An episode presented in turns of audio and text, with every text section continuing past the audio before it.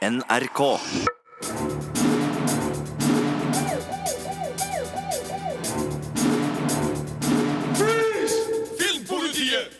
Velkommen til denne spesialpodkasten som skal handle om Stranger Things. Marte heter jeg, med meg har jeg Birger. Og Sigurd, og det er jo ikke bare Stranger Things, Marte. Det er Stranger Things sesong to. ja, Stranger Things 2, som eh, de har valgt å, å kalle sesongen. Og nå har vi alle sammen fått sett alle episodene. Ja, nesten ni herlige timer fra Hawkins, Indiana. Det var veldig moro, altså. Det var det. Og vi skal selvfølgelig nå bare med en gang advare. Det her blir spoilere for alt vi vet om sesong 1, 2 og kanskje også 3, 4, til og med kanskje 5. Eh, Og det blir eh, en gjennomgang av det vi likte og ikke likte med sesongen. Det blir fanteorier, vi skal svare da komme inn spørsmål fra dere, og så skal vi selvfølgelig se framover, for det har jo kommet noen snippets av informasjoner om sesong 3. Dem skal vi selvfølgelig også gjennomgå, så det blir en herlig liten Hawkins-time.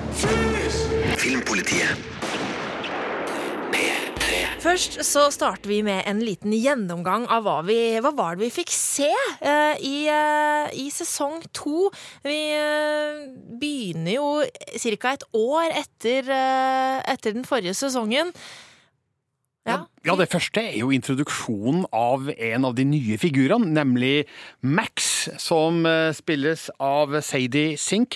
Eh, Et veldig godt tillegg til et eh, allerede godt etablert persongalleri. Jeg elska Max. Jeg syns at det var et skikkelig friskt pust. Veldig bra casting, syns jeg. Både hun og hennes stebror da i serien, Billy Hargrove, spilt av Dacker Montgomery.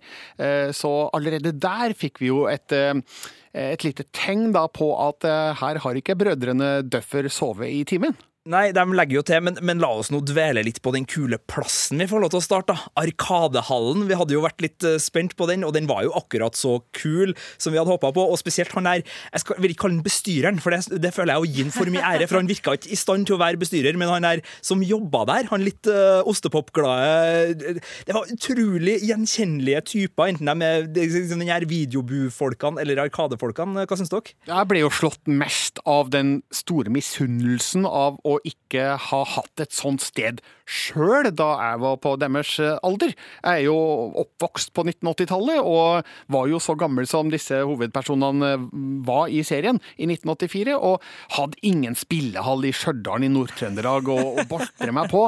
Virker jo som et sånn fantastisk sted å bare henge på når man er 13-14 år og har lomma full av kronemynter. Nå er jeg kjempenysgjerrig. Eh, 1984, eh, Stjørdal. Du skal ikke ta den store sammenligningen her, men, men hvor fikk du eventuelt spilt noe, noe Arkadespill, eller eh, hvor fikk du leid filmer og sånne ting? Du, altså, spilling, det var på campingturer med mamma og pappa. Eh, Det var jo i, her og der en liten spillehall i samband med campingplassen, stort sett i Danmark eller Sverige. Eh, Filma, det leide man på den, lokale sjappa, som hadde litt av hvert. Stjørdal var langt frem i video, så der hadde vi ikke noe problem. Men akkurat spillehallen, sånn som vi ser i Stranger Things, det var en sånn drøm. Vet du hva storebroren min fortalte meg her forleden? At uh, i Lommedalen, da jeg var liten, så var det en spillehall uh, liksom uh, i kjelleren på der hvor det, var der hvor det er Rema nå. Og det har ikke jeg visst før nå! Der pleide de å henge, liksom. Jeg var sikkert kanskje litt for liten, da. Men har, liksom, det var en spillehall i mitt nærområde. missa- missa som jeg ikke har opplevd. Liksom, det eneste spillehallen jeg har opplevd i min barndom, er sånn Kiel-ferga. Ja, det er, eh, det er for trist å snakke om akkurat nå, men, men gladnyhet til deg, Marte. Du ble nerd likevel. Jeg ble nerd nær Du likevel. ble nerd likevel. Men eh, vi får jo introduksjonen til at noe er galt, og til liksom antagonisten ganske, ganske kjapt her, når Will eh, rusler ut, og plutselig så er bruteren på The Upside Down eh, skrudd over, og, og han skimter da i det fjerne uh, The Shadow Monster. Yes, oh, og det er spennende greier. Og, og da begynner vi å bevege oss inn på For at det, han, det blir nevnt han har hatt noen episoder eh, av Joyce, eh, men det er tydeligvis at det, er noe som har kommet nå i det siste, og som eh, jo rollefiguren vi etter hvert blir introdusert for, eh, doktoren, for, eh, forklarer at det kan ha noe med å gjøre at det er et år siden sist, det, traumene kommer tilbake, eh, og, og sånne type ting. Men, men ja, hva syns vi om liksom hele den Will-greia når han blir revet inn i den verdenen igjen? Veldig stilig utført rent visuelt. Altså at han kan bare forsvinne rett inn i eh, en upside down-lignende tilstand, der vi ser at eh, ting rundt han eh, plutselig har fått et helt annet eh, visuelt uttrykk. Og vi ser da det her skyggemonsteret langt i det fjerne som bygger seg opp som et eller annet henta fra et sånt barnlig mareritt man kanskje kunne ha hatt sjøl. Liker veldig godt hvordan dette universet speiler det virkelige, men er jo da selvfølgelig prega av mørke hemmeligheter som vi, vi ser konturene av og ikke helt vet hva er for noe.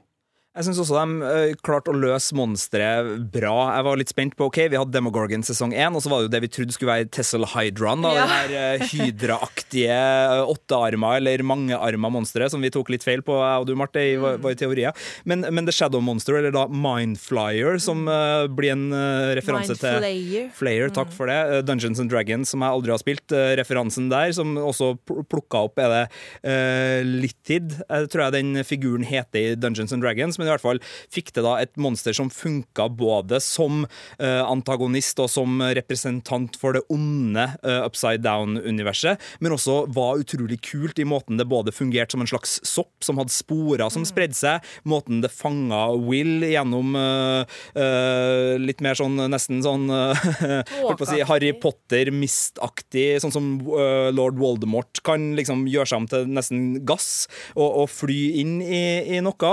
Og også måten de hadde da klart å, å lure alle sammen med å sneke seg under jorda eh, fra denne portalen inne på, på laboratoriet, og, og blitt en del da, og tok alle disse åkrene med forråtnelse og, og insekter. Altså, jeg synes det var en sånn herlig, god, seig start på hele sesongen, og det var jo en seig eh, første halvdel, egentlig, Ja. sammenligna med den uh, For det var jo noe jeg eh, ikke likte så godt. Eh, jeg kan jo bare si eh, jeg, jeg ga jo sesongen terningkast fire. Eh, og der, men der er du så negativ, for at terningkast fire er en bra karakter. Det er Ja. ikke en dårlig karakter. Og jeg Things, Og jeg koste meg masse med serien, men jeg syns den eh, Altså, jeg har ikke noe imot treige treige serier så lenge det skjer ting og at vi får noe ut av treigheten. Men her følte jeg at det, eh, det var liksom ikke så fryktelig mye karakterbygging eller at det skjedde noe i handlingen. Og da syns jeg det ble litt lite fordelt på de nye episodene. Marte er litt sånn på din side her, tror jeg, på terningkastet, fordi jeg hadde det veldig hyggelig, altså, med Stranger Things eh, sesong eh, to. Men eh, klart, eh, den mangler jo den friskheten som den første sesongen hadde, der vi ble kjent med hele universet og alle de figurene, og så er ting litt sånn mer av det samme da i sesong to. Sjøl om jeg liker jo de tilskuddene vi får da av nye figurer her, så um, var det ikke helt den samme friskheten, sjøl om det var morsomt og underholdende og ja, en, en trygg retur. Jeg skal ikke være så uenig med dere, men jeg skal være litt uenig med dere, fordi eh, altså, terningkast eh, Det er noen store, store problemer med denne sesongen, det, det er det, og dem skal vi komme til. Men spesielt forholdet mellom eh, Steve og eh, Dustin, og Eleven og Sheriff Hopper, som kommer av nettopp den her litt sånn seige, god tid-greia, er så utrolig god, da, syns jeg, at det er definitivt verdt det. Og spesielt når Sheriff Hopper setter på Jim Cross-skiva Don't Mess Around With Jim, som er en av mine favorittvinyler sjøl. Ja, og, og pusse opp den her hytta sammen med Eleven og, og, og alt det der. Jeg, jeg syns det var så fint. Da. Den, den tok seg så god tid til å skape sånne små Bare det, det øyeblikket der Steve forklarer hemmeligheten bak håret sitt til Dustin. Altså, det kommer gjennom den der litt sånn seige Ja, men det var jo- tid. Det er langt uti, da. Det er langt uti. Vi Ja. snakker om begynnelsen, Jo, men, som men jeg syns var for øh, seig. man må liksom ha det. Men jeg, jeg, jeg- ser, og det er, er ikke alle forholdene som, øh, som utvikler seg like godt, og det er også noen uh, tråder som jeg er enig med. Bare for å ja. være litt på privaten her. Jeg har jo to sønner på 14 og 12, og de står hver morgen og sprayer seg oppi håret. Den greia der, den tok dem. De skjønte hele utfordringa som eh, eh, godeste Dustin eh, har der, og, Ja. og hvorfor eh, det her er en viktig del da, av Ja. ungdoms... et slags ungdomsrituale. Ja. Ja, den var fin, den der. Jeg likte den veldig godt. Eh, Det jeg ikke likte så veldig godt, og som eh, er det store kanskje problemet med, med sesongen for mange, er jo at etter hvert som mysteriet med, med The Shadow Monster begynte å utvikle seg, vennegjengen begynte å komme på fote igjen, Eleven begynte å undersøke sin egen backstory, så kom episode sju. Eh, en episode via i sin helhet til eh, Eleven på et sideoppdrag der hun skal bli bedre kjent med sin egen bakgrunn Ja. og møte sin uh, søster da, i, i institusjonssammenheng, nummer åtte, og er, henger med hennes vennegjeng. Hva syns dere om den? Jeg likte den episoden bare sånn passe, fordi episoden før eh, slutta jo med en skikkelig cliffhanger. Noe er på vei opp i laben, og eh, da var det litt skuff at eh, hele neste episode var via noe helt annet som jeg ikke hadde så stor interesse for. Men samtidig så ser jeg jo at kanskje var den episoden nødvendig for å legge opp til videre historie i kommende sesonger, for eh, her blir det jo etablert at det fins flere som Eleven. Det fins eh, noen der ute som eh, kanskje har de samme eller andre evner enn det Eleven har, og det kan gi gode muligheter siden.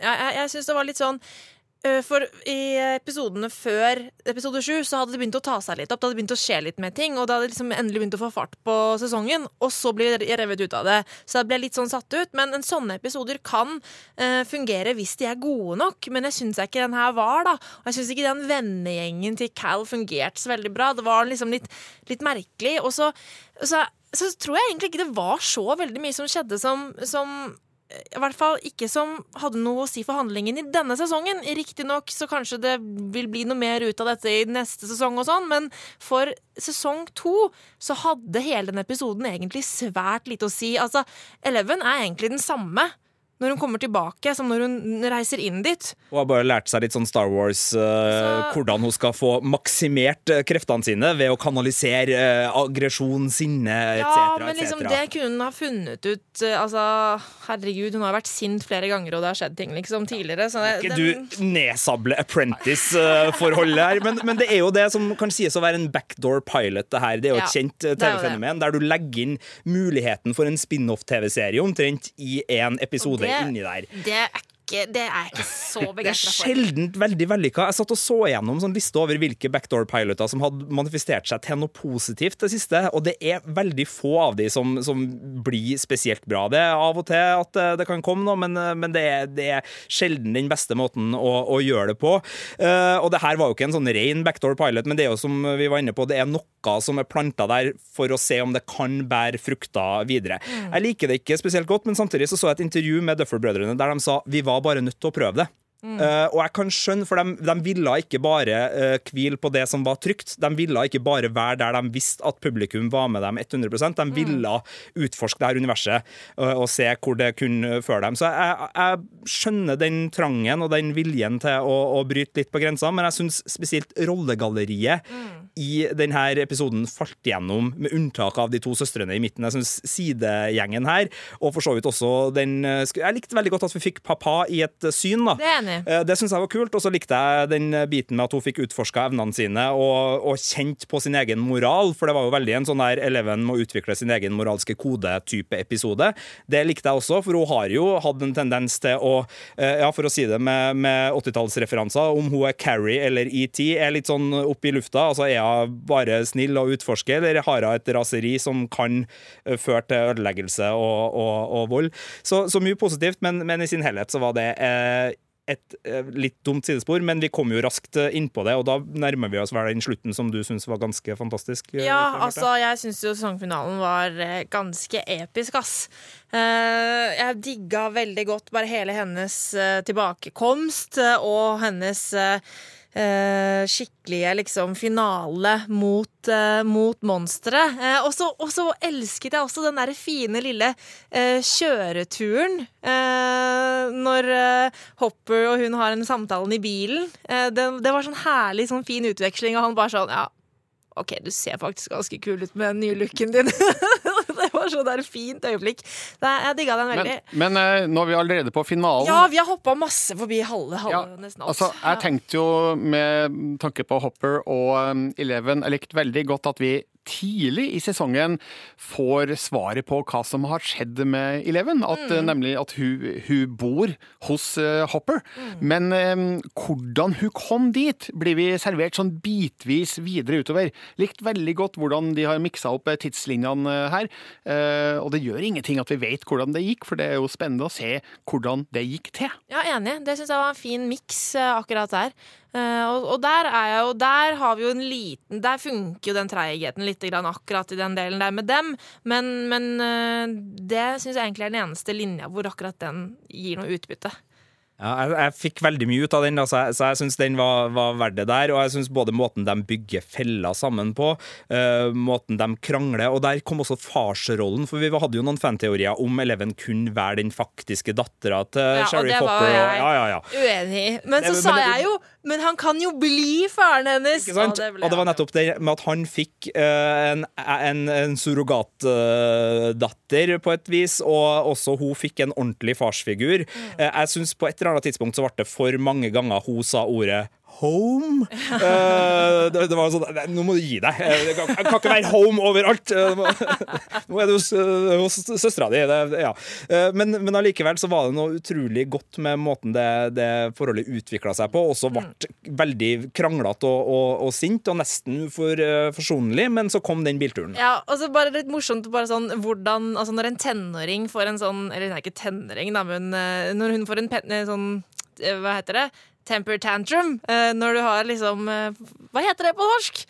Når du, Sinneutbrudd? Sinneutbrudd, og du har liksom eh, sånne evner. Da blir det liksom litt mer Går litt mer over styr, da, når du får et utbrudd og du har de evnene. Også forholdet mellom L og Mike er jo veldig Ja. viktig for sesongen. Eh, De møtes jo ikke før i den aller siste episoden, men båndet dem imellom er jo følbart hele veien. Som når Mike eh, sitter og, og, og sender ut meldinger til Eleven i håp om at hun kanskje hører det, og så ser vi jo her og der at hun faktisk eh, får det med seg, men kan ikke kommunisere tilbake. Eh, likte veldig godt eh, hvordan det spilles ut, og det gir jo da en mye bedre payoff når de da endelig møtes, og vi ser bare ansiktsuttrykkene deres, eh, hvor mye det her betyr for dem. Ja. Eh, Jonathan og Nancy er også på en reise, en slags Justice for Barb-reise, uten at Barb eh, er i live, men de skal hedre hennes minne, og det fører dem annet til en eh, journalist, eh, konspirator eh, konsp eh, Konspirasjonsteoretiker. Eh, Hva, hva syns vi om den, tråden? Um, jeg ble jo litt sånn For den der Justice for Barb-greia ble for overtydelig. Det var så veldig sånn fanservice. Og så bare ja, selvfølgelig skal Nancy uh, være engstelig for venninna og ha dårlig samvittighet for at foreldrene ikke vet. Altså hele den greia der funker. Men jeg syns de dro den så innmari langt med den fanservice-delen, da, så jeg ble litt irritert.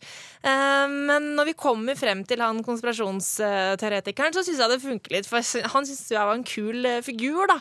Men fikk kanskje ikke så mye utbytte av han som eh, vi kanskje kunne ha fått. Han var vel kanskje mest eh, et verktøy for Ja. at de virkelig skulle eh, finne sammen til slutt. Ikke sant. Men var. Var ikke den også et godt planta Russland-spor for kommende sesonger? For det her er jo en Jo, russisk absolutt. spion, det er vel ikke noe tvil om det. Med all den russiske vodkaen han drev og, og serverte dem, så tenker jeg han må være en russisk spion som Hæ? er Nei, der for å er få ut infoen. Nei, Jo, jo, jo, jo, jo, Nei, nei, nei. Han, Jo, jo, jo, nei, nei, nei, nei, nei, nei. Han drev jo og etterforska om hele hendelsen kunne være Ja, ja, russerne. det skal ikke skjule, men når han slamrer døra i ansiktet på dem på slutten der, etter å ha gitt dem to flasker russisk vodka, da er jeg ganske sikker på at det her er sesong tre. Det her er russerne som vil vite hva er det som skjer i Hawkins-laben, og som har brukt han for å komme inn der. Det selges russisk vodka i amerikanske liquor stores, så det er jeg ganske sikker på. Ja, men uh, det er et snedig valg å ha. Uh, Hvis du var russisk er- spion i USA, ville du hatt kåken full av russisk vodka? Nei, men det er jo er derfor jeg syns det nesten er litt for cheesy. For jeg tror det der kommer til å skje. Men det er mulig jeg tar feil, men jeg tror han kommer til å vise seg å være uh, russisk etterretnings gode medhjelper, han godeste Murray. Men meg om det. Så finner jo Dustin noe mystisk i søppelkassa si. Ja, det, Ja. hele den greia. Jeg digga uh, den dog. eh, delen der.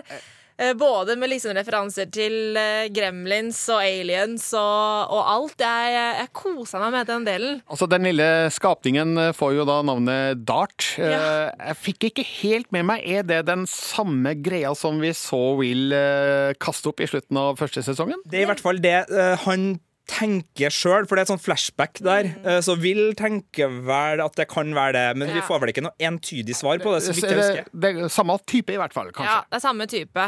Um, og jeg syns den uh, tråden var så fin. Man kan jo si hva man vil om, om at eh, Dustin handla litt dumt, og at han var litt for dum for sitt eget beste og sånn, men, men jeg likte den delen veldig godt, fordi at um, Dart var jo ikke bare Han var jo ikke ond. Han er jo ikke en ond skapning. Han, han er jo bare den liksom Et dyr. Et dyr.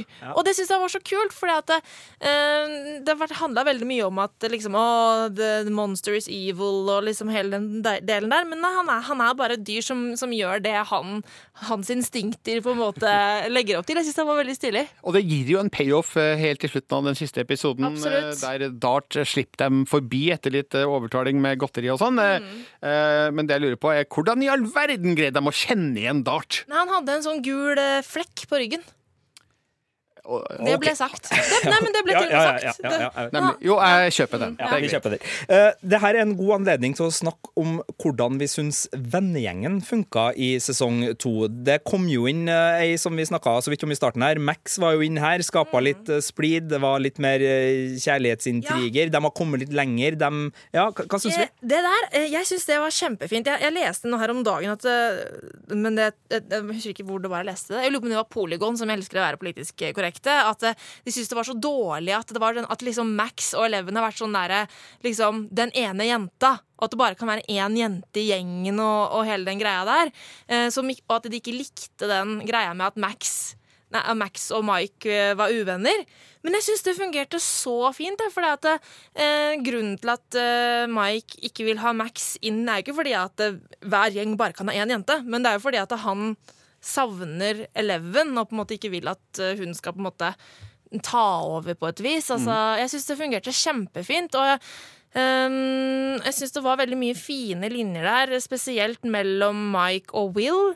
Uh, viser liksom hvor nært forhold de har. Det syns jeg var veldig veldig fint. Eh, og også liksom den derre spliden mellom uh, Lucas og Dustin om å liksom få, få hun nye kule, liksom. Jeg syns det Ja, funka, Jeg jeg. hadde sett for meg at det kanskje skulle gå enda litt lenger, den her sjalusitråden eh, som det åpenbart eh, trekkes opp til da, mellom Dustin og, og Lucas, slår liksom ikke helt ut i full blomst. Jeg ble jo veldig skuffa når den litt lubne, krøllete gutten så tydelig ikke skulle få jenta som han ville ha. Nei da, eh, utseendemessig selvopplevd osv., og så videre og så videre. Men eh, nei, jeg, jeg var også litt skuffa over at den det, eh, det var ikke det dramaet det kunne ha vært der. Samtidig er så var det litt men- godt å slippe det. Ja, for dette, det tenker jeg at det sier noe om det sterke vennskapet som er i, i gjengen. da At uh, han liksom trår til side for kompisen. Og Dustin fikk jo Steve. Og med Steve så Ja. kommer jo alle de mulighetene som uh, følger når du, du kjenner en Steve. Uh, og nei, jeg syns, uh, syns de løste de bitene ganske godt, og, og fikk dem sammen. Det eneste jeg husker jeg syns ikke svingte så godt, det var jo Billy som eh, storebroren til, til Max. Eh, og Steve-kranglinga, både i bar overkropp og basketbanen, ble veldig sånn pastisj. eh, nesten sånn at det sleit litt med fiksjonstroverdigheten med, ellers, med resten av greia. Det ble så veldig 80-talls hard, harry action-vibb over det. Det her plant Ja. føttene springende gang på gang. Og jeg syns heller ikke deres siste oppgjør ble kanskje det jeg hadde håpa på. Billy forsvant litt lett ut av det hele der på, på tampen, men samtidig så fikk jeg jo uh, Metallica løfte vekta-scena med uh, Billy, der han Ja. eh, til Four Horsemen og Kill Em All-plakaten sin får pumpa, så da var jeg happy, altså. Altså, Billy var jo en litt sånn kul figur, men hvorfor var Billy med? Hva var det Billy bidro til i denne sesongen her? Jeg føler at han bare han, du, kunne, du kunne plukka bort Billy, og så hadde ingenting vært annerledes, da. Litt eh, temperatur. Temperatur. Han gir Max sin bakgrunnshistorie en veldig sårhet med familiesplid. Eh, han eh, fører også til å få inn eh, Army Brett perspektivet holdt jeg på å si, som en sånn klassisk trope i amerikansk Ja. Det men med at du kommer fra en brutal far. da. Han fikk inn et nytt foreldreperspektiv Ja, som ikke kom- det eksisterer i resten liksom- av gjengen. Men det gikk Og jo aldri noe sted.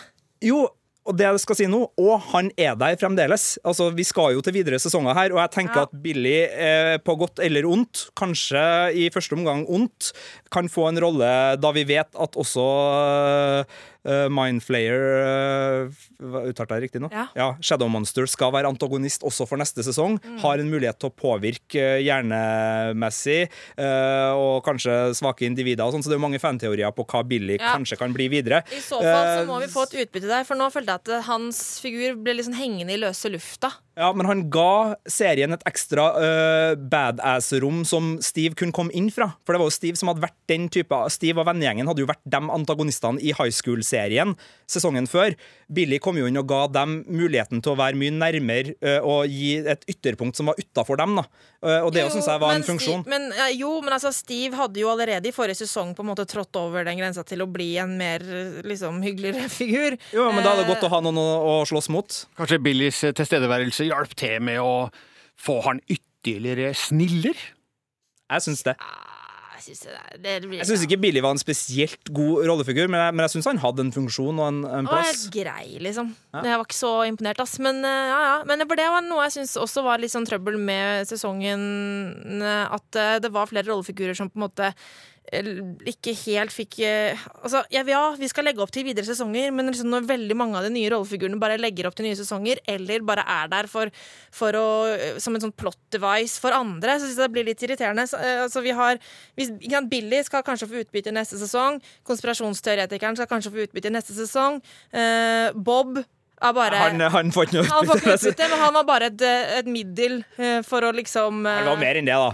Men jeg synes at det, altså, Fra liksom epis andre episode så skjønner du at, eh, han, at det kommer aldri til å gå noe sted med Joyce. Og at han bare er der for å skape en sånn At vi skal skjønne at det er Hopper og Joyce som på en måte eh, vil ha hverandre. Og så blir han liksom drept. Veldig sånn Nei, jeg, jeg syns det var litt sånn justice for Bob heller, ass. Jo, nei, det, men, Han ble litt urettferdig behandla. Men eh, Billy skapte litt fare ved å bare være der, mens Bob skapte litt hygge. Bare jeg likte. Ja, jeg likte, stemningsskapende likte, figurer. Ja, misforstå meg rett. Jeg likte Bob kjempegodt, men jeg syns at på en måte han ble litt sånn misbrukt i serien. Han fikk eh, Altså, han ble bare liksom et sånt eh, virkemiddel for de andre figurene, og det syns jeg var trist for Bob, for jeg likte han veldig godt. Jeg er enig og, uh, at eh, han var veldig god. Jeg synes Han fikk jo en, en slags passende sorti, uh, men det var veldig tydelig at han måtte dø da når det begynte å nærme seg. For han hadde jo nesten fluktmuligheten, men, uh, Men liksom når du skjønner det i episode to, så blir det litt ja, sånn Jeg er ikke enig. Altså, når man ser det i etterpåklokskap, klokskapens lys, så er det lett å si at Nei, jeg eh, tenkte det liksom ja, sånn- jeg Jeg, jeg, tenkte det. tenkte underveis, men jeg var ikke sikker på det. Uh, og det er litt som med eleven nå, man tenker jo hvor hun skal, men man er jo ikke sikker på det. Så jeg syns de klarte å holde en litt Men, men jeg er enig i at det var, var litt tenkte, han- tydelig. han på- dør, tenkte jeg. Ja, eh, han hadde skrevet med, med litt sånn eh, tydelige bokstaver Med, rundt seg. ja, med et litt sånn eh, påtatt uh, jukseoppdrag nede i kjelleren for å eh, resette et eller annet. Uh, Ja. Det er eh, et påskudd, liksom, for at han skulle ut og være helt. Men Ja. veldig artig måten han ble detektiven som nøsta opp i tegningene Ja, og fant kartet og, og hele den eh, biten der. Det syns jeg de klarte å knyte sammen noe som estetisk var interessant med at han drev og tegna alle de tegningene, som var sånn Ja. ja, fiffig, men hvor er verden? Og så uh, klarte å knytte opp med, med å finne gjennom Bob. Så jeg syns det var det veldig jeg godt var veldig skrevet. Bit der. Altså. Enig, det likte jeg, likte jeg veldig godt. Og så uh, var det morsomt at det var på en måte han koselige nerden som fant ut av på en måte hva dette var for noe. Det, det, det likte jeg. Hvordan Will eh, fikk tegna dette kartet, hvorfor det, liksom, det henger litt i løse lufta. Ja, eller det var vel noe med det at øh, han Han øhm, altså den uh, mindflayeren tok jo over han, men samtidig da så fikk han liksom sy også litt av synet til mindflayer, sånn at der hvor mindflayer liksom løper gjennom disse gangene, så ser Will det og kan liksom tegne det mindflayer ser. Det var sånn jeg tolka det. Ja, jeg tenker at mindflayer altså de, ko- de rent kognitive De samme, ja. egenskapene var litt sånn risky plass for Will å operere, fordi det var spionasje mellom de to. Mm. Så da var det å, å klare å, å få ut det. Og jeg tror Will i sin naivitet naivitet i starten. Uh, trodde at han kunne tegne ut det her og hjelpe uh, sine foreldre i en uh, litt sånn autistisk barn-vib. Men så viser det jo seg at de båndene var dypere enn mm. vennene likte å tro. Den delen likte jeg veldig godt, egentlig, den der The Spy-greia. Selv om altså, det var også en annen litt sånn åpenbar ting, kanskje, når det blir, det blir lagt ut et hint om at det kan skje, og så da forventer man jo at det skjer. Men jeg syns det funka.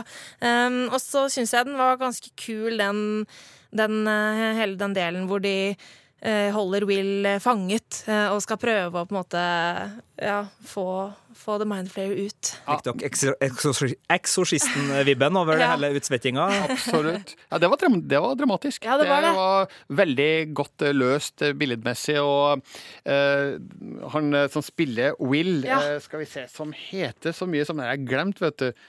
Um, Noah Schnapp. Ja, Veldig spesielt navn. Han var ja, Utrolig bra til å spille um, besatt. Enig. Veldig enig. Det var kjempebra. Så likte jeg hele den der morsekodetingen. Funka, funka veldig bra. Altså. Ja, alt det der var, var veldig godt. Uh, vi skal inn nå Vi begynner å nærme oss litt sånn fanteoriland, merker jeg nå. Men før vi går dit, så må vi oppsummere sesongen med litt eggos ja, og en skikkelig mouthbreeder, må ikke vi? Jo, men kan vi ikke snakke litt mer om uh, liksom sånn alle referansene? Ja, men, men de går jo inn i fanteori teoriland, land, ikke sant? Ja, men det er en referanse som jeg godt kan ta her og nå. Ja. Det er jo min favorittfilm, kanskje, over alle. I hvert fall en av de topp tre. Eh, jeg tenkte veldig mye på Aliens. Ja.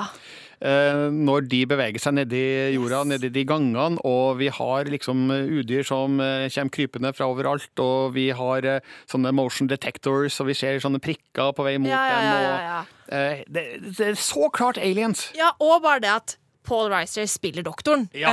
Eh, det, og der var vi òg en sånn kjempe-aliens-referanse. Eh, bare når han blir introdusert, og han liksom sier sånn 'Dere må stole på meg', og ja. alt mulig. Og alt som har sett han i Aliens, vet at nei, Paul Reiser Han er ikke en å stole på. Han stoler du Sesong ikke på. tre, folkens! Sesong tre. Han overlevde jo. Ja, ja, men, men, han utvikla seg jo til å bli en skikkelig good guy. Ja. Eller? Jo, jo, det tenker jeg. At det var Duffer-brødrene som på en måte ville lure oss litt, for å få oss til å kanskje tro at han, legen ikke hadde rent mel i posen. Mm. Men så var det en annen tvist denne gangen. Kjapt spørsmål til dere to som er så glad i Alien, Aliens-universet. Uh, katten uh, Muse. Ja. Uh, det er visst en katt også i Aliens, ikke som Ripley har? Ja, Jones. Er det, det samme Den er helt lik. Det er helt lik, ja. ja. ja. Sånn rød, var... sånn rød champagnefarge. Det var også en, et lite nikk. Yes. Kan godt ha vært det. Blir må ha vært det. Hva syns vi om bright light-ømfintligheten til jeg Dart? Det. Jeg liker det. Godt. Syns om at det var en referanse? Nå tar jeg et vågestykke. OK, jeg har flere her. Hva syns vi om Indiana Jones-hatten til Sheriff Hopper? den, den funker, den. Altså. Hva syns vi om bilkjøringa til Joyce når hun kjører til laboratoriet? Veldig overlook-hotell på veien. The Shining, Stephen King. Ja, Den tenkte jeg ikke på, faktisk. Ja, den var, var fin, syns jeg. Og så syns jeg jo også uh, støyskjerm. Barn sitter foran. Ung ja. jente. Herregud, vet du hva? Uh, den, altså, jeg da jeg var liten, jeg var så redd for snø på, på TV-en. Jeg var ja. Livredd for snø på TV-en pga. podkast. They're here! Oh, Gud. Du, bare spol to sekunder tilbake. Du nevnte Overlook Hotel og The Shining. Jeg så nettopp starten av The Shining. eh, uh, om igjen. Eh, og det slo meg da, bare som en ren digresjon her, da, at den bobla som kjører oppover i fjellet, det sitter bare én person i den. Nei! Så, så, det er en liten bug i, i, filminga? Det er en bug i filminga. Det er jo som hele også, familien ja. Torrance eh, som kjører oppover der, men det er bare én person som sitter i bobla, og dette har Stanley Kubrick godkjent. Perfeksjonisten over alle. Men, men kanskje okay. det ligger et, et, metaplan der på eh, hvordan alt egentlig bare utspiller seg i et I hode? ja. Kanskje. Helt tatt. Kanskje. Spennende. Men det var digresjon, beklager. Nei, nei, nei, for det er jo det her Steven Altså, det går jo fanteorier nå, og det er derfor jeg mener at vi må over, for det går okay. jo fanteorier nå på at det nesten er at alt det her foregår innen Stephen King sitt univers. Uh, fordi at, for det er jo mange linker mellom de ulike Stephen King-filmene. Ja, At det er en slags forløper da, til The Mist, er det noen som tenker på. Og, så det er ganske mye nå som Og de sier jo også, uh, Duffer-brødrene, at de bruker Stephen King, altså de snakker med Stephen King, mailer med han, for å få hjelp med det de omtaler som grammatikken mm. i filmspråket sitt. Så, så Stephen King Skal vi avslutte referansebiten? Vi har ikke tatt med alle referansene nå, men bare avslutte med å si Uh, a tip of the hat, Mr. King. Så i neste sesong så får vi en eh, knallrød Plymouth Fury kjørende inn, og det kommer en klovn til byen, og i det hele tatt mange ting som kan skje her. Filmpolitiet.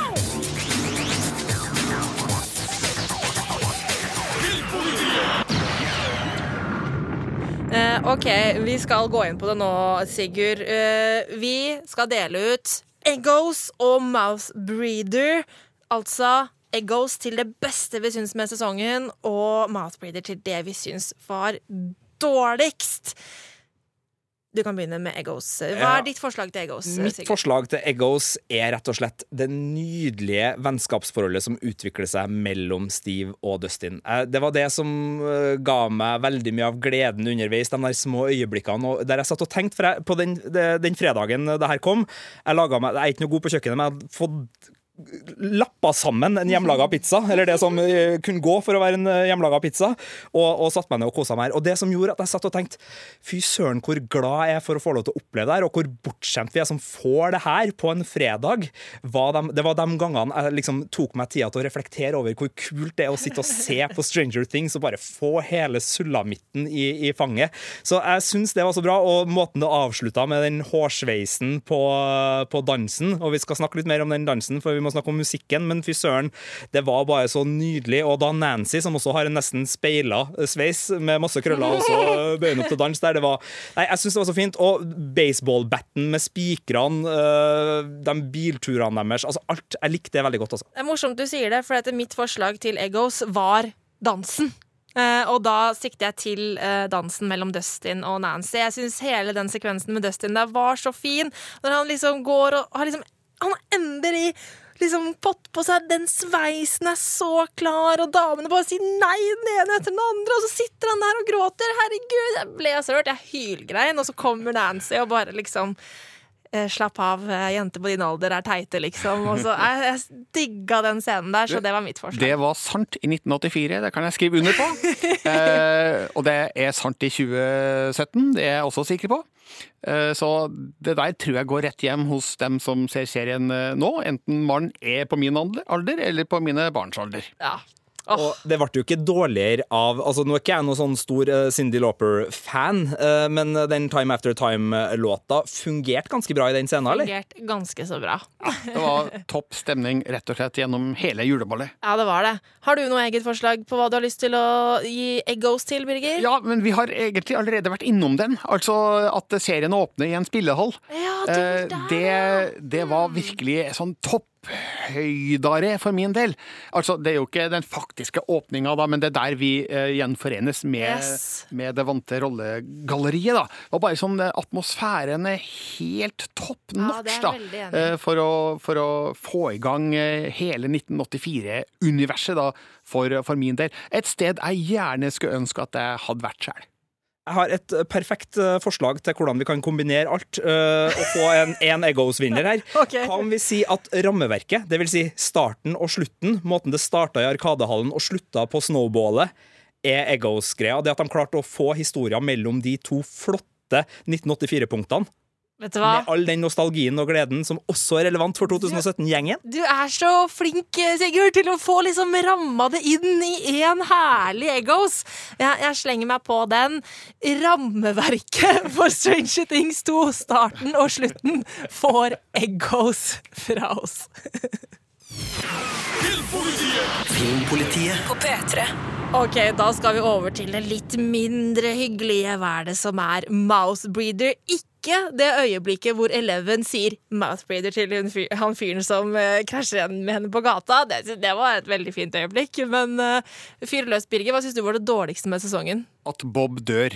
Jeg syntes det var så trist at Sean Astin døde og ikke får lov til å være med mer. Og kanskje hadde han ikke så mye mer å bidra med. Eh, Det var jo klart ganske tidlig at det, det ble kanskje ikke noe flytting til Hvor var det de skulle hen? Til Maine? Ja, det var noe sånt. Og, og ekteskap. Altså, eh, Joyce og Bob virka ikke som et uh, veldig opplagt par. Men uh, Bob var jo bare hyggelig. Han ville alt vel, og han var snill og hjelpsom og prøvde å gjøre sitt beste. Og så lei han den ublide skjebnen. Så jeg syntes veldig synd på Bob. og litt fordi at det er jo, det er jo Samwise, da. Ikke sant? Ikke sant? Fra Ringenes herre. Ja. Jeg liker den, jeg. Hva med deg, Sigurd? Eh, Jeg hadde egentlig eh, episode sju. eh, Ja, det var det- det er som, egentlig er mitt forslag. Som den altså episoden der ordet mouthbreather blir sagt. Ja! Men eh, etter at du sa ordet 'justice for Bob' i stedet for her Mm. for en, noen minutter siden, og Birger kom fram med her, jeg er jo enig. Det er, den eneste grunnen til å drepe Bob der, ut fra et manusperspektiv, er jo for å fjerne hindringer for eh, Hopper Joyce-gjenforeninga, og den tenker jeg enten kunne ha vart lenger, eller hadde ikke trengt å komme. Og jeg synes også Bob blir bygd opp for koselig til å bare dumpe i, i søpla. Det er litt sånn, Vit hva du har, da. Ta vare på det du har. Hvis du har en rollefigur som funker så bra, bare ikke uh, bruk den til det lille plot-devicet du hadde tenkt. Eh, når, du, når det viser seg at Sean Astin funker så bra der, og uh, legger opp til så mye herlig 80-tallsnostalgi bare i seg sjøl, så syns jeg det funker. Og han er jo også en av de som spenner Stephen King-universet sammen her ved å da eh, bli redd eh, Han fortalte jo at han ble redd for en klovn da han bodde i Maine som liten barn, og det er jo en veldig sånn tydelig It-referanse der. Så jeg syns, jeg syns referansemaskineriet lider også under det, så jeg kan være med på den, Birger. Jeg slenger meg på den, ja. Justice for Bob. De får mouthbreather for at de drepte. Filmpolitiet. Dette er P3. Da skal vi bevege oss inn i det spennende landskapet med fanteorier og spørsmål og alt mulig sånn deilig snacks, som er jo noe av det som vi elsker å snakke om i forbindelse med Stranger Things. Ja, Vi kan starte med et spørsmål som vi har fått inn, som går ikke nødvendigvis helt på sånn fanteorier for, for neste, men det er bare et godt spørsmål som, vi, som jeg syns vi må ta tak i. Og det er Petter som har sendt inn, som uh, lurer på hvem vi tror Nancy kommer til å ende opp med, nå som det står mellom Jonathan og Steve. Og han tar jo da øh, litt historisk her med at Steve var stordusj i sesong én, men uh, kom jo seg veldig bra, og Jonathan både var og er litt creepy. Uh, han gjorde Ja, jo noe han stå- stå- han var litt stalkete, i- i- så, så det er noe, noe poeng her. Og, og hvem er underdogen nå, og, og hvordan går det her? Hva, hva tenker vi? Ja, nei, altså, Nå har hun jo vandra fra Steve over til Jonathan, da. Men det er jo ingenting som eh, tilsier at hun ikke kan finne på å vandre tilbake igjen. Fordi hvis hun nå skal bare være kjæresten til Jonathan gjennom hele sesong tre, så er det ikke noe mye mer å spille på der. Så uh, Nå har jo hva- Dustin kasta hatten sin i, i kampen her, da. Ja, jeg tror ikke så mye på den. Så hvis det skal skje noe i det hele tatt på det, den fronten der, da, så tror jeg kanskje Steve vil prøve å kjempe da, for å få Nancy tilbake igjen. Ja, jeg er litt usikker på det, for jeg følte at eh, han lot henne gå på slutten der. Ja. Eh, når han ser dem, og så liksom nikker han litt for seg selv, på en måte, og så, så drar han av gårde. Jeg følte at han på en måte lukka det kapitlet litt, da. Hvis du elsker det, så slipp det fri. Men er ikke ofte når eh, rollefigurer gjør det, Det da den de uselviske ja. handlinga der de eh, ikke tenker på seg sjøl, det er jo da de vinner. Så jeg tror kanskje Steve eh, Vi skal ikke gi slipp på Steve helt der ennå. Og så er det jo også en liten bit som uh, sannsynligvis og forhåpentligvis ikke vil ødelegge noe, men uh, skuespilleren som spiller Jonathan, uh, Charlie Heaton, har vel vært litt uheldig med noen innreisemuligheter. Han fra- hadde noe kokain i kofferten. Ja, bokstavelig talt. Så innspillingsmessig, for de skal vel begynne å spille inn ganske straks nå, faktisk, i Atlanta, sies Men det. er ikke han fra USA? Eh, Han er vel britisk. Nei, er han det? Eh, Det Så, så der har det men, men nå er vi på sladderbiten. Vi skulle jo Ja, på fanteoribiten. Beklager så meget dere som hører på. Og dobbeltsjekk nå gjerne denne sladreinformasjonen fra oss i Men, men nå er jo disse tre da, i dette trekløveret i ferd med å bli eh, voksne ungdommer, og Mm. kanskje det andre veivalg som står foran dem nå. Det er ikke sikkert at alle tre kommer til å bli værende nødvendigvis i Hawkins. Nei, Nei. kan hende de reiser av gårde college og hele den pakka der. Men jeg tror Men det her er jo min fanteori, da. Jeg tror jo i og med at Jonathan og Nancy, som egentlig holdt på med et sidespor, som var da Justice for Barb, ø, få ut sannheten til folket og ramme ø, vitenskaps- og slash agentene på, på Hawkins-laben, ø, så tror jeg de trengs for å fortsette den bolka. For det er liksom deres det er, det er ingen andre som er involvert i den plottråden. Det er bare de toene som har satt i gang den kampen litt sånn alene. Resten har vært opptatt med å faktisk bekjempe de vederstyggelighetene som, som finnes i The Upside Down, eller som stammer derfra. Så jeg tror da i hvert fall hvis det nå kommer enten russiske interesser eller andre interesser som, som eh, vil eh, bli motstandere i den uh, sannhetskampbiten, kanskje da med Murray i spissen som russisk spion, eh, men det uh, får tiden vise, så, så tror jeg de må være sammen i hvert fall en stund til. Ja. Uh, så kan, og Steve òg vil nok eh, så, så, Men ja, nei, det, det er spennende. Men jeg tror i hvert fall en periode nå så vil Jonathan og Nancy være bundet sammen. Men om de finner ut om de funker sammen, det er jo noe annet. Eh, skal vi bare ta det med det samme? Dere tror ikke Murray er russisk spion, eller? Nei, nei, nei. Hvor, Ja, altså, ingenting som tyder på det etter det vi så i sesong to. Men hvorfor slamrer han plutselig døra igjen på dem? Sånn han er jo en einstøing som hater folk. Han har jo laga eggerøre og skapt romantisk stemning for dem for en time siden. Det er bare fordi han han- ikke orka å se på de der idiotene som ikke liksom Som begge to sitter og sitter av Og så to ganger sånn veldig tydelig russisk vodka plassert Han er en konspiratorisk eh, weirdo, og det tenker jeg først og fremst, da. Enig. enig Jeg syns okay. det blir for easy-peasy at en flaske vodka skal bety russisk spion. Hvis det stemmer, så syns jeg det er flaut. Men jeg vil at Ja, det er jeg enig i. Jeg syns ikke det var bra, men jeg tror det allikevel er sånn. Men det er litt for at jeg håper at det skal komme en amerikansk-russisk kamp. En sovjetisk, Ja, det unnskyld. Nå, nå sier jeg russisk, vet du. Det er sovjetisk, det her. En sovjetisk-amerikansk kamp om the upside down som våpen. Eventuelt eh, om de eksperimentene, altså at det kommer Sovjet, eh, Sovjet er nysgjerrig på det her og vil inn på et eller annet vis. Og det har jo Men jeg, ja. tror at jeg, tror du, jeg tror ikke det kommer til å skje, Sigurd. For jeg tror at um ja, mye Altså all den der forskninga og all den der greiene de driver med, eh, bunner ut igjen den der angsten for kommunismen som de hadde. eh, og angsten for Sovjetunionen og hele den pakka der. Eh, men det Altså, den angsten er jo en sånn derre hysteri som, som de hadde i USA. Og jeg tror ikke at eh, Duffer-brødrene kommer til å belønne det hysteriet ved at faktisk eh, Sovjetunionen kommer inn. Altså, jeg tror det der Altså hvis du skjønner hva jeg mener? Altså, de, vil ikke belønne den delen. De vil på en måte, eh, på en måte rakke ned på eh, USA for, de, for alt det de har gjort. Tenker jeg da. Ja. Så vi vil ikke få Russland inn i det her. Eh, det er bare, men de vil sikkert fortsette å prøve å finne på syke ting for å ta russerne. Men um... Nå har ikke serien så langt vært så innmari opptatt av ting som skjer rundt Nei, eh, det er bare sånne små hint og vink. Ja, altså, vi ser nå, det, det er tydeligvis presidentvalg mm. i emning her, med, med Reagan og Bush. Reagan og Bush-plakater, og Mondale og Hva het visepresidentkandidaten hans, da?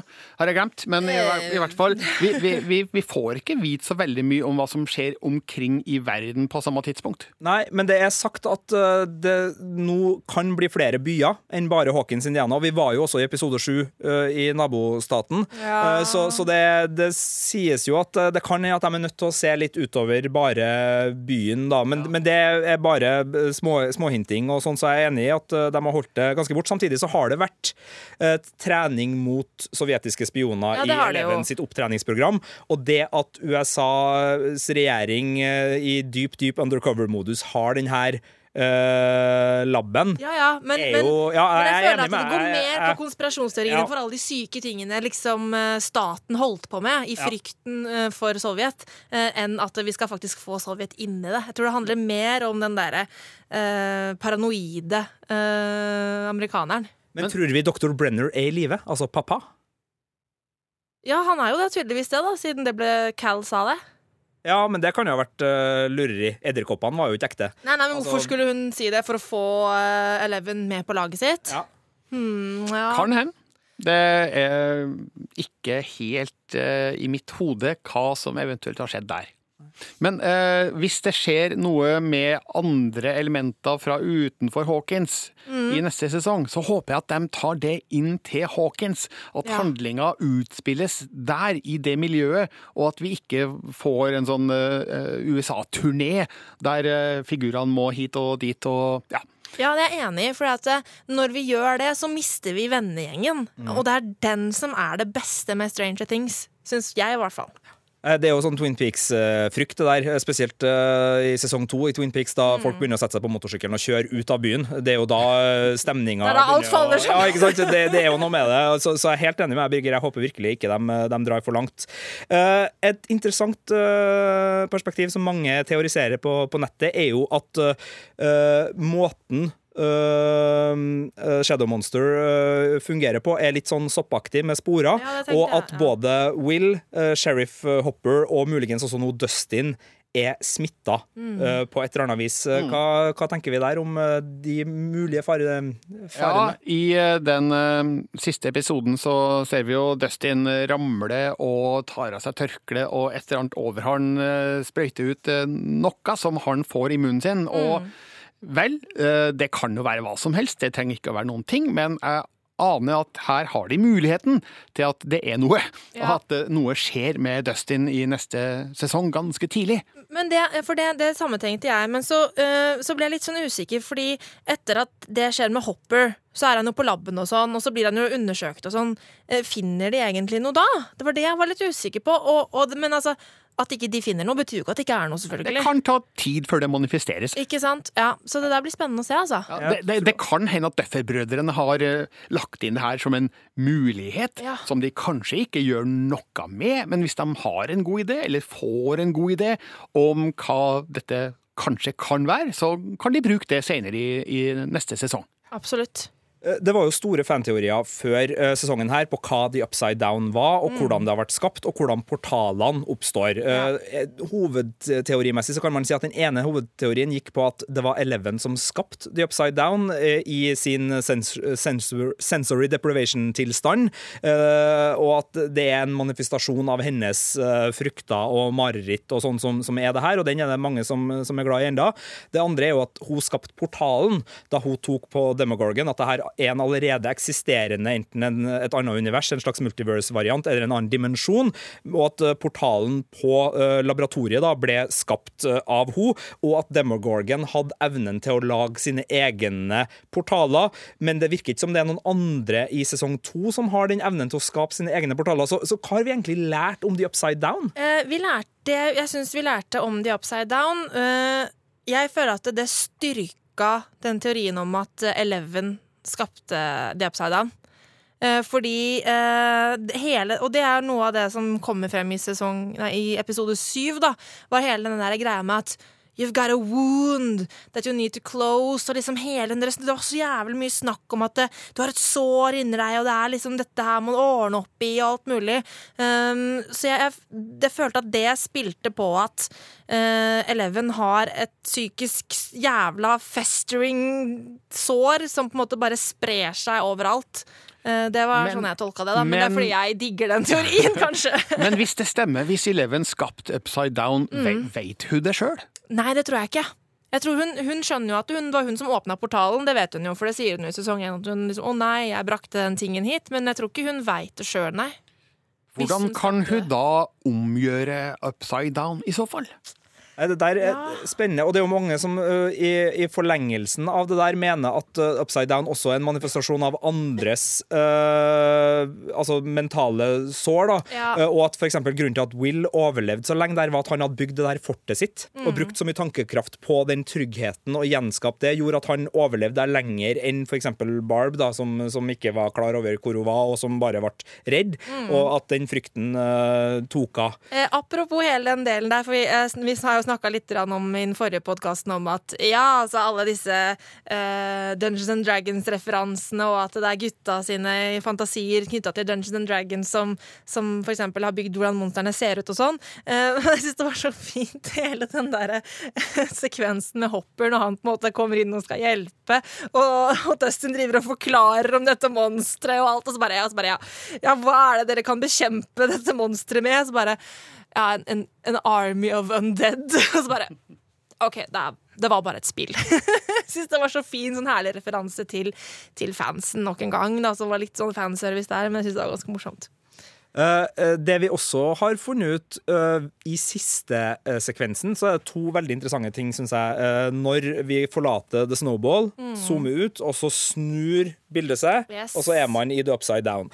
Der er det to ting jeg legger merke til. Det ene er at pynten fra skoleballet også henger i vinduene på skolen i The Upside Down. Eh, noe som eh, gjør at man begynner å tenke på hva er det egentlig som er med over i den parallelle dimensjonen. Altså Er alt med over? Altså, hvis det, altså, Følger det real time? Henger du opp pynt en plass, så blir det til gammel, slitt pynt i nedenverden? Altså hvem sine perspektiver er som følges her? Og det andre er at øh, øh, The Shadow Monster står over skolen. Yes. Noe som gjør at jeg tenker at her er det litt sånn stalking på gang. Altså Enten om det er Leven eller om det er vennegjengen, så er The Shadow Monster på jakt. Det er knytta uh, til det er den på et eller annet det vis. og de sier jo også, Duffer-brødrene, at, uh, at uh, Shadow Monster skal være en antag antagonist uh, videre framover. Så vi, vi er ikke ferdig med det monsteret på samme måte som Demogorgon Nei, absolutt ikke. forsvant. For den ble jo borte, mens her var det jo en veldig tydelig cliffhanger som hang over skolen. Er Shadow Monster helt sånn vill teori som jeg kom på nå nettopp, som sikkert ikke stemmer, men er Shadow Monsteret til enhver tid på det stedet der Eleven er? Ja, det var det jeg også har litt lurt eh, litt på. Hvor, ha, ha, kan, vi, kan vi koble det opp mot hun Altså, det har jo vært når um, Eller da, da Will så det første gang, så var det jo på avstand. Ja. Og og da leiting. var jo hun i skauen jeg vet da søren. Jo, eh, problemet med den er jo når hun var Eller da hun var på reise hos Ja, eh, mm. For det var jo ikke sånn at uh, monsteret tok en pause, men, men det var jo en mental uh, kobling. Så du skyggemonsteret i episode sju? Mm. Nei. Nei. Uh, og jeg sliter jo også litt med å finne ut hva er skyggemonsteret sin fysiske variant i det som ikke var The Upside Down, men i de tentaklene som uh, spredde seg under Hawken fra den portalen. Altså Sammenhengen der står ikke helt klart for meg uh, hva som er hva av fysisk Ja, og jeg skjønte metafysisk. ikke. Var, var tentaklene Var det monsteret, eller var det bare noe monsteret hadde bygd? Det skjønte jeg ikke helt. Det var i hvert fall en del av monsteret som kunne styres av den der hive-bevisstheten. Ja, ikke sant? Eh, Demodogsa kom jo plutselig og var overalt av samme type. Jeg synes jo det er snedig, for Demogorgon virker på et vis å være sterkere enn Shadow Monsteret, fordi Demogorgon kunne gjøre så mye mer som Shadow Monsteret tydeligvis ikke i hvert fall har vist prov på at det kan, da, blant annet skape portaler. Mm. Ja. Eh, Men måten Demogorgon spiste på dyr, måten det, det er tenkt på, ligger jo i en versjon i Demodogsa som er er et undersåtta av eh, Shadow Monster. Ja. Så, så hva som er hva her i hierarkiet, da, om man vil, i The Upside Down, er også litt vanskelig å Ja, pinpointe. For det jeg tenker er at i, i første sesong så var det The Demogorgon. Det var det som var der. Og så har The Shadow Monster kommet, om det har kommet, blitt skapt, om det har kommet fra et annet sted, eller et eller annet, og så har det tatt over Demogorgons-dyra. Sånn at jeg tenker at det er noe som har kommet etterpå. Jeg tror ikke at eh, The Shadow Monster var i bakgrunnen og trakk i trådene i sesongen. Da var det liksom bare The Demogorgon, tenker jeg. Ja. Og det å gjøre jo øh, det hele biten med om det er Eleven som har skapt det, og hvis det Eleven har skapt det, kan andres mar mareritt også trives i den verden? Altså kan Will sine mareritt okay, Ok, ok. også leve i den Nå kom jeg på en ting. Eh, ikke sant? Hun har vært ute i skauen der, og hun savner Will og hun savner Hawkins. Hun savner vennene sine. Um, og hun sitter og tenker på dem hele tiden. Når kan jeg få dra tilbake? Når kan jeg få dra tilbake? Og så ser vi dette, dette, dette monsteret som har grodd disse tentaklene sine under byen.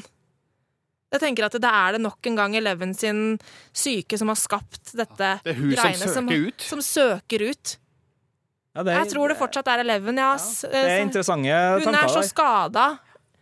De har jo sagt, og det nevnte vi jo i forrige podkast om det her, og Duffer-brødrene har et svært dokument der de har spillereglene for The Upside Down klart for seg. Det er i hvert fall det de sier. Så i likhet med jeg tror det var Jon Nesbø som så fint sa det om det å skrive en krimroman. Hvis du ikke vet starten og slutten før du starter, så, så anerkjenner ikke jeg det du holder på med. Og de har laga regelboka. Ja. Eh, Så, så, så der er vi vel ganske trygge på at det, det finnes en versjon hos dem på hva det her faktisk er. Ja. Men de er usedvanlig god på å bygge den verdenen på en måte som gjør at eh, den ikke krasjer med seg sjøl, men holder mange muligheter åpne. Og det, det er ganske imponerende. Altså. Er skyggemonsteret en manifestasjon av Wills eh, mareritt og Ja, indre tanker? Ja, det er det jeg- jeg tenker at siden han var i han ble fanga i uh, The Upside Down, og da kan liksom også han altså Kanskje det er et eller annet med at de som havner inni der og ja, har det fælt, at det, det liksom skaper noe videre. Det funker jo veldig bra når det gjelder uh, hans tegninger og måten han tegner det ut på. og Alt foregår jo inni han, egentlig. Eh, Og vi ser det gjennom han, så det kan godt være at det er hans frykt for hva er det jeg fikk i meg. Så Eleven starter det hele, og Will tar over det. Og det her er da, hvis vi bruker en sånn teori, en, et plass hvor ulike eh, hjernas mareritt kan manifestere seg.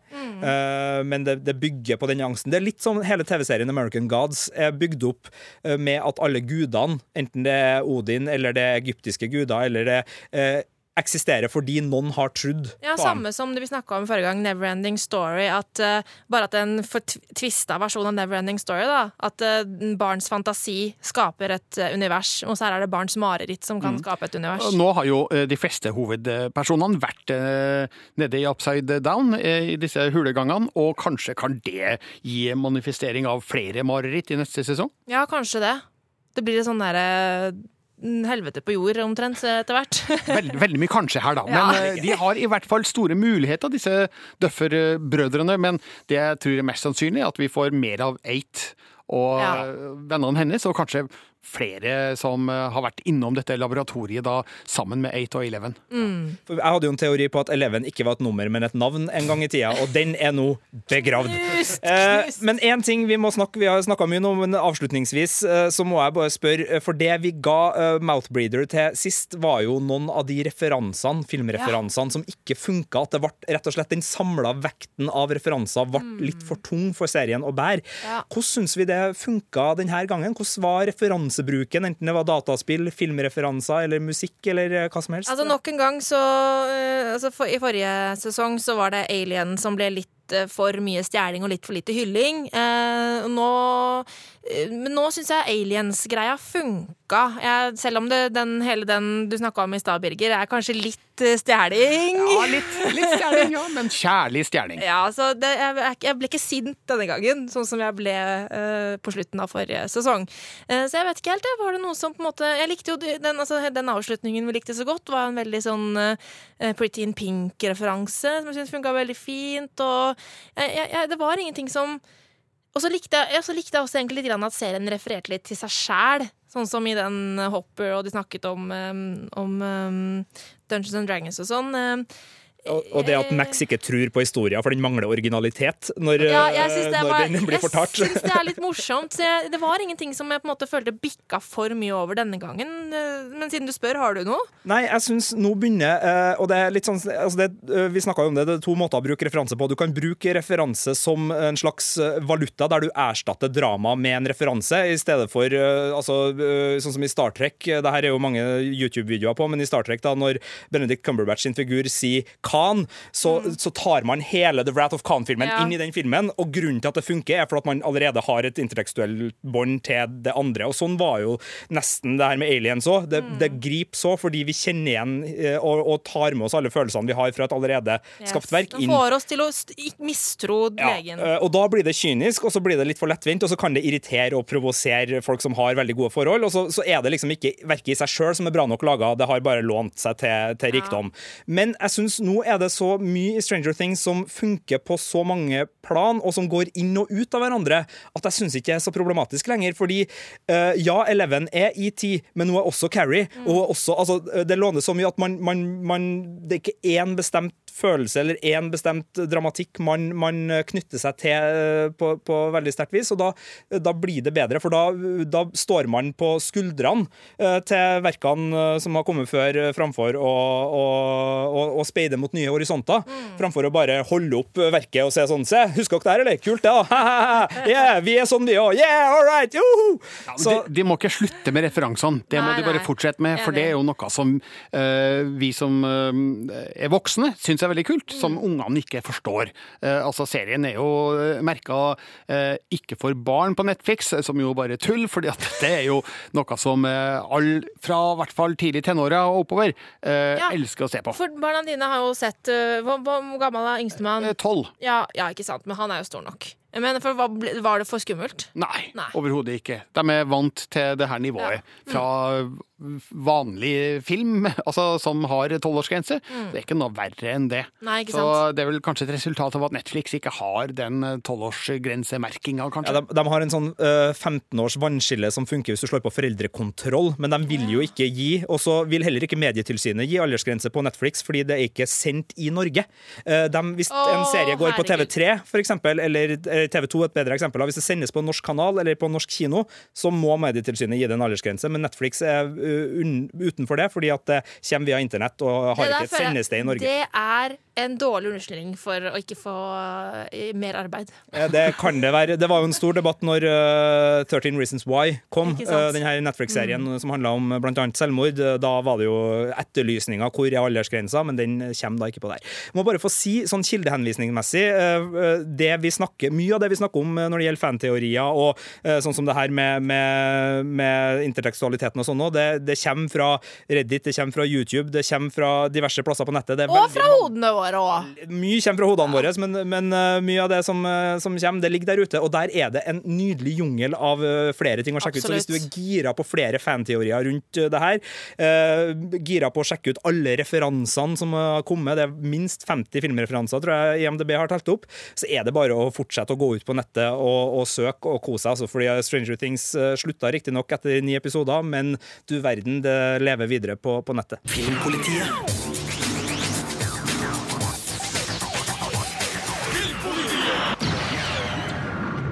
Sigurd, vet vi egentlig noe om kommende sesonger? Hvor mange sesonger er det vi har blitt lovd her nå? Fire? På Internet Movie Database så er det fire sesonger som står oppført, og vet ikke helt hvem som har lagt inn den infoen, men eh, Den stammer fra Duffer-brødrene, som sa at eh, vi har lyst til å lage flere sesonger, eh, men vi har ikke lyst til å lage flere enn fire. Dette er ikke en sånn, Sånn serie som skal det, gå og gå og gå. Og da blir jeg så glad når jeg hører sånne ting. For det Men betyr at men Er det et nå- men her? Ja, det er et men her. For nå i uh, nyere intervjuer så har det kommet uh, fra produsenthold eh, stemmer, i likhet sånn som, var, som har sagt at det kommer minst fire, muligens fem. Altså Det kan komme flere, men Døffelbrødrene har sagt at det her er ikke en sånn serie som skal bli sju-åtte sesonger. Men, men det lurer jeg på, for det er jo den sånn rettigheter og sånn, det er jo de som har skapt det. Men hvis de på en måte Hvis de bare vil lage fire, så kan Netflix lage mer, liksom? ja, det er mulig Netflix eier merkevaren. Det, det vet ikke vi, men det virker ikke som det er noe fient. Altså, det er fire, muligens fem, som er det som sies Ah, nå. ok, greit. Eh, Men den er ikke bekrefta offisielt eh, fra Netflix til sesong tre engang. Eh, Så, så vi, vi er ganske 99-99-99 Ja, men den bekreft- sikre på at det altså, blir. Den Men bekreftelsen bare venter de med, sånn at de kan på en måte skape medieblest når de legger den ut, tenker jeg. ja, Hvis, men, ingen, hvis ingen i produksjon får en uh, sexanklage mot seg. Ja, fader ullan. Ikke sant? Da blir det kansellert. en slags House of Cards-referanse her. Eh, En slags. Snedige, snedige greier. Eh, Vi vet altså da at det blir en sesong tre, selv om Netflix ikke har bekrefta det. Vi vet at det blir minst fire sesonger totalt, ut fra ønskene til serieskaperne. Vi vet at eh, den kommer neppe før tidligst om et år, og sannsynligvis ikke før eh, tidligst juletider, hvis man bruker mm. produksjonstida fra sesong to som, som rettesnor. Sesong én kom sommer, eh, sesong to kom uh, på høsten. Uh, det sies nå at innspillinga starter i Atlanta, USA i disse dager, eh, og at en del av disse unge stjernene som nå begynner å få en del andre oppdrag, må egentlig være ferdig med en del ting sånn eh, nå ganske snart. Eh, så, så, men det ligger vel manus og, og sånne ting eh, klart Men der, men Stranger Things som juleserie. Ja, Ja takk, sier jeg bare. jeg håper på det. Jeg håper de rekker jul neste år. Det hadde vært helt perfekt å få den eh, 25. desember i, i strømpa. Det Å, hadde vært eh, Gud, helt, så kult! helt Da blir det men, eh, 1985. Å ja, da er jeg født! Det er nydelig. Og så vet vi også at det blir mer av lillesøstera søstera til Lucas, altså Erika, som spilles av Priya? Ferguson. Nei. Eh. Eh, lille Priya Ferguson var så kul. Hun skulle egentlig bare ha en ørliten birolle i sesong to, men måten oh, ja, hun ja, Lucas, ja. jeg trodde du mente Mike. Ja. Nei, eh, så måten hun bare tok eh, og stjal scenen, har gjort til at eh, de har kicka skikkelig på Ja, henne, og fin. vil ha mer av henne. har Jeg tenker sagt. Det må ha vært litt planlagt, da, for det var liksom ingen spesiell grunn til at søstera til Lucas skulle være med noe særlig i det hele tatt eh, her. Men eh, kanskje Jeg tenkte da jeg så det, at det her er et sånn innsmett de gjør fordi kanskje hun skal ha mer å gjøre siden. Jeg kjenner meg igjen i den He-Man og Barbie-greia. Barbie Broren min hadde ikke He-Man, men han hadde sånne wrestlingfigurer. Eh, Og de, det, det hendte at eh, noen av de ble stjålet. Hva har skjedd med de? Nei, det, det er, det er uh, ikke PG-13. Classified information. Oh yes. uh, det er vel sånn cirka det vi vet om sesong tre. Eh, men jeg vet én ting, da. Det At du gleder deg? Vi kommer til å glede oss, og vi kommer jo til å ha flere Stranger Things-podkaster. eh, Men vi må vente til vi vet noe mye mer, så det blir nok ikke før det begynner å nærme seg sesong tre. Men da har jo fanteoriene rukket å koke, for det er jo veldig sånn tidlig på fanteoristadiet, merker jeg, når man driver og, og diskuterer litt nå. så er det jo, Men, men det kom jo litt i dag, da. Marte, du klarte jo å utvide mye av eh, Upside Down-universet, og vi fikk inn Will, og vi fikk jo gjort masse her. Så, her, Så, altså. så bare ta det her og kok videre på det på internett, folkens, og la det spre seg utover som et slags shadow monster under jorda på din lokale småby. Eh, Så håper vi at tentaklene til fanteoriene har samla seg opp til nye høyder når vi vender tilbake med en ny Stranger Thing-podkast. That was wonderful. Bravo! I loved it. Well, it wasn't bad. Well, there were parts of it that weren't very good. It could have been a lot better. I didn't really like it. It was pretty terrible. It was bad. It was awful. Terrible. Get 'em away! Hey, fool! Filmpolitiet P3. Du finner flere podkaster på p3.no podkast.